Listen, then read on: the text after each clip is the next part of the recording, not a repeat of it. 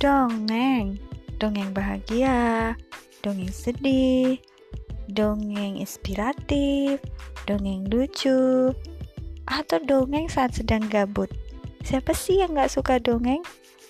Ih, dongeng itu tak bakal ditolak. Sesuatu yang sangat menyenangkan.